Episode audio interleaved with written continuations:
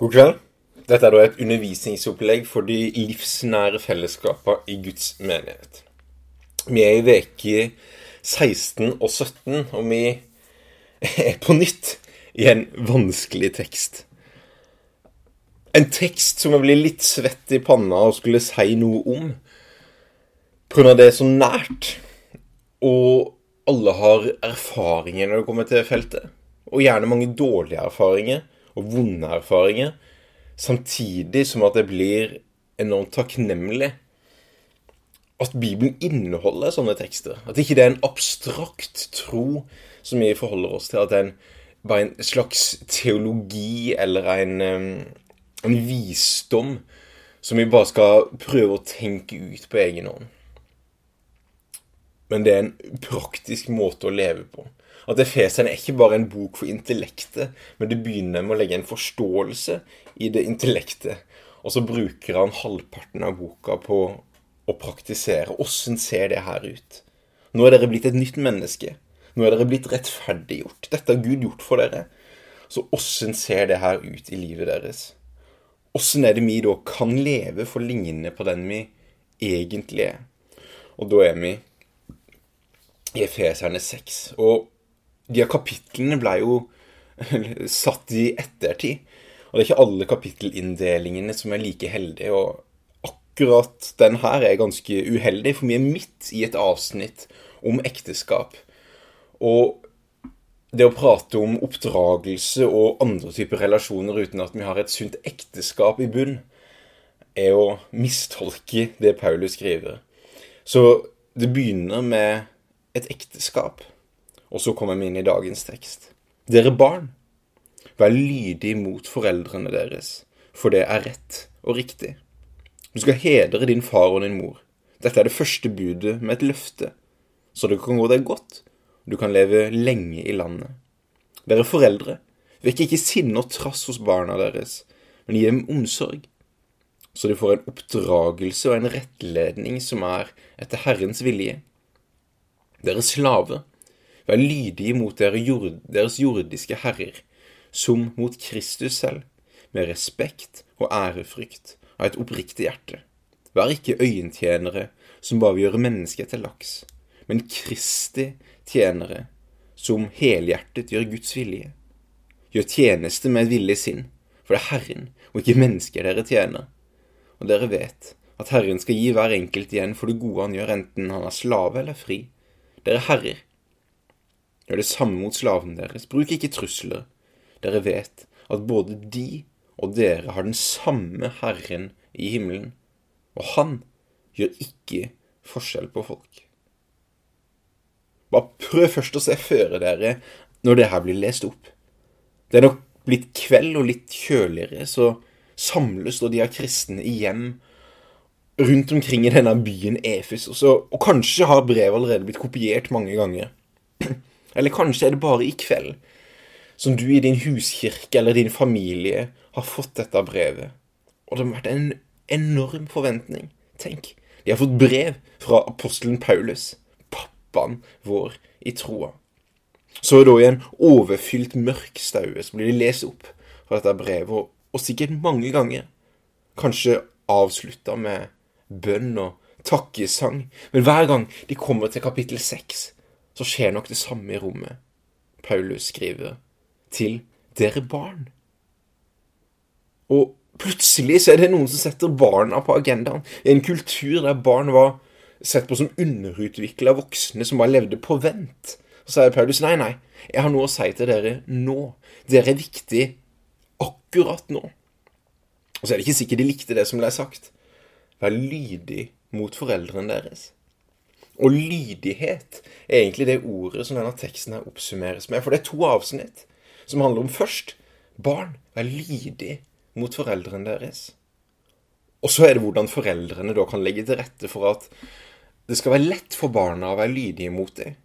Og så neste avsnitt dere slaver, vær lydige mot deres jordiske herrer. Og så er det hvordan herren og lederen og, og de som står over dem, skal gjøre det lett for slavene å være lydig, av at de skal ikke gjøre forskjell på folk.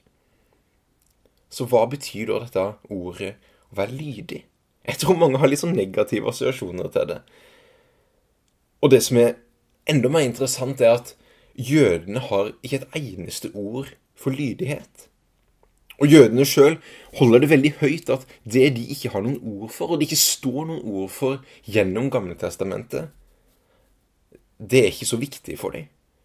Så når, når, Paulus bruker dette ordet å være lydig Han skriver jo gresk, men han henviser til første Mosebok og til, og til loven.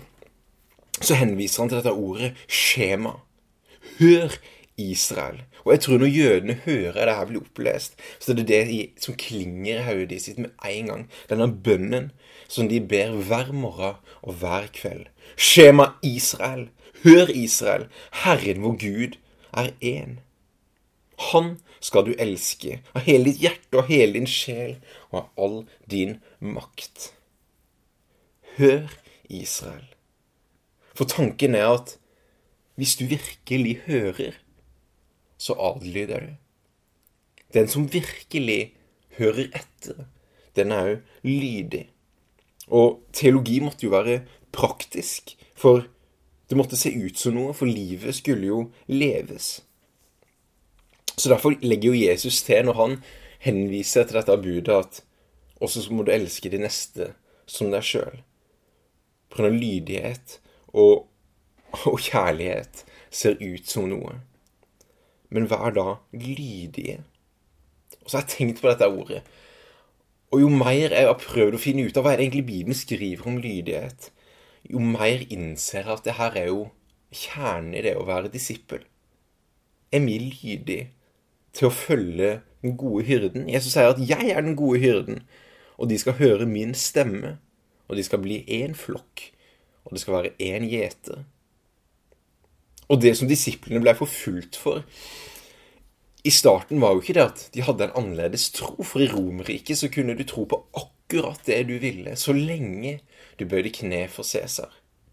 Men grunnen til at Paulus nå sitter i fengsel og, og skriver dette brevet til feserne, er jo nettopp på grunn av han erklærte at nei, Cæsar har ikke all makt. Jesus har all makt. Det er en som står over Cæsar, det er en som står over myndighetene. Og det er Gud, og det er han vi lyder. Så når, når Peter og Johannes blir forfulgt pga. de står og prater om, om, kristen tro, og så blir de piska, og så sier de nå, nå får dere ikke lov til å prate mer om det, dette er evangeliet. Så, du, så svarer de tilbake skal vi lyde du mer enn Gud. Vi kan ikke stoppe å fortelle om det vi har sett, og det vi har hørt. Så kjernen i å være en disippel er å lytte. Er å høre. Stoppe opp og virkelig høre etter. Hva er det Gud egentlig sier? Og så begynne å handle på det. Og når jeg ser tilbake til mitt kristenliv, så er de fleste stega jeg har tatt i tro, kan oppsummeres med at jeg har satt meg ned og lytta. Eller satt meg til side på en eller annen måte så jeg har fått tid til å lytte, og så har jeg handla på det jeg har hørt. Og så er det som Paulus nå sier, at jeg ønsker at dere skal lære lydighet, og jeg har en oppskrift til hvordan dere skal lære det. Jeg har gitt dere familien. Og det gjør til at jeg blir enda mer svett i panna. Som foreldre har vi da et ansvar. ansvaret for at vi skal lære barna våre å kunne lyde oss. At vi skal være foreldre som er enkle å lyde og, og høre etterpå. Sånn at de igjen kan ha lyst, og at det skal være lett for dem å høre på Jesus. For vi modellerer den farsrollen og den morsrollen for barna våre. Så derfor har vi et enormt ansvar, så sier han da til foreldre Vekk ikke sinne og trass hos barna deres, men gi dem omsorg. Så de får en oppdragelse. Det greske ordet er å disiplinere dem og rettlede dem etter Herrens vilje. Og dette er så de skal gå godt med dem og leve lenge, men prinsippet om at om at hvis du ikke kan lyde foreldrene dine, så vil det jo bli enormt vanskelig å lyde Gud. Og så er det noen av dere som hører dette, som ikke er i en sånn oppdragelsessituasjon i det hele tatt. Jeg skal ikke bruke mye tid her. Og igjen så har alle forskjellige meninger om dette. Men jeg skal tørre likevel å hive ut på bare tre prinsipper som jeg og Else prøver å snakke litt om, og som kanskje jeg har like mye med meg fra lærebakgrunnen min. Men jeg tror hvis vi ser på hvordan Gud disiplinerer oss, så tror jeg Gud gir oss så mye frihet han klarer. Men så har han så stramme grenser på oss som han må. På grunn av Gud tåler jo ikke synd. For å kunne være sammen med oss, så må han ha noen grenser rundt oss. Og så definerer han ramma så tydelig han klarer, sånn at vi vet hvor grensa går, og at vi vet hva som er konsekvensen av å tråkke på utsida. Og Oversatt så tror jeg det kan bety at vi må stille oss spørsmålet har vi vide nok ramme for barna våre. Etter et besøk hos noen som hadde fryktelig mange regler, både inne og ute, så hørte jeg en gutt på fire gå rundt og peke på alle tinga der. Nei til det, nei til det, nei til det, nei til det. Nei, nei, nei til alt som ikke var lov. Og da tenker jeg at har vi for mange nei, så kan det bli veldig få ja. Og om det er på skolen eller i hjemmet, så trenger barn oppleve at de mestrer de rammene de er satt i. Så kanskje det første spørsmålet er er det noe mer som burde vært lov. Sånn at du faktisk kan forvente at de hører etter de gangene du faktisk sier nei. Og så er det med stramme nok rammer. Den canadiske psykologen Jordan B. Peterson sier at et av de viktigste tingene som foreldre er at vi må like å være sammen med barna våre. Og hvis vi ikke hvis vi blir irritert, eller hvis vi syns det er ubehagelig å være sammen med dem, så må vi hjelpe dem til å bli likende. Vi, vi, har lyst til at barna skal bli likt av andre barn. Vi har lyst til at barna skal bli likt av andre voksne. Og da trenger vi å ha en del rammer. Så hvor stramme rammer må vi ha for at vi skal like å være rundt i, at andre skal like å være rundt i?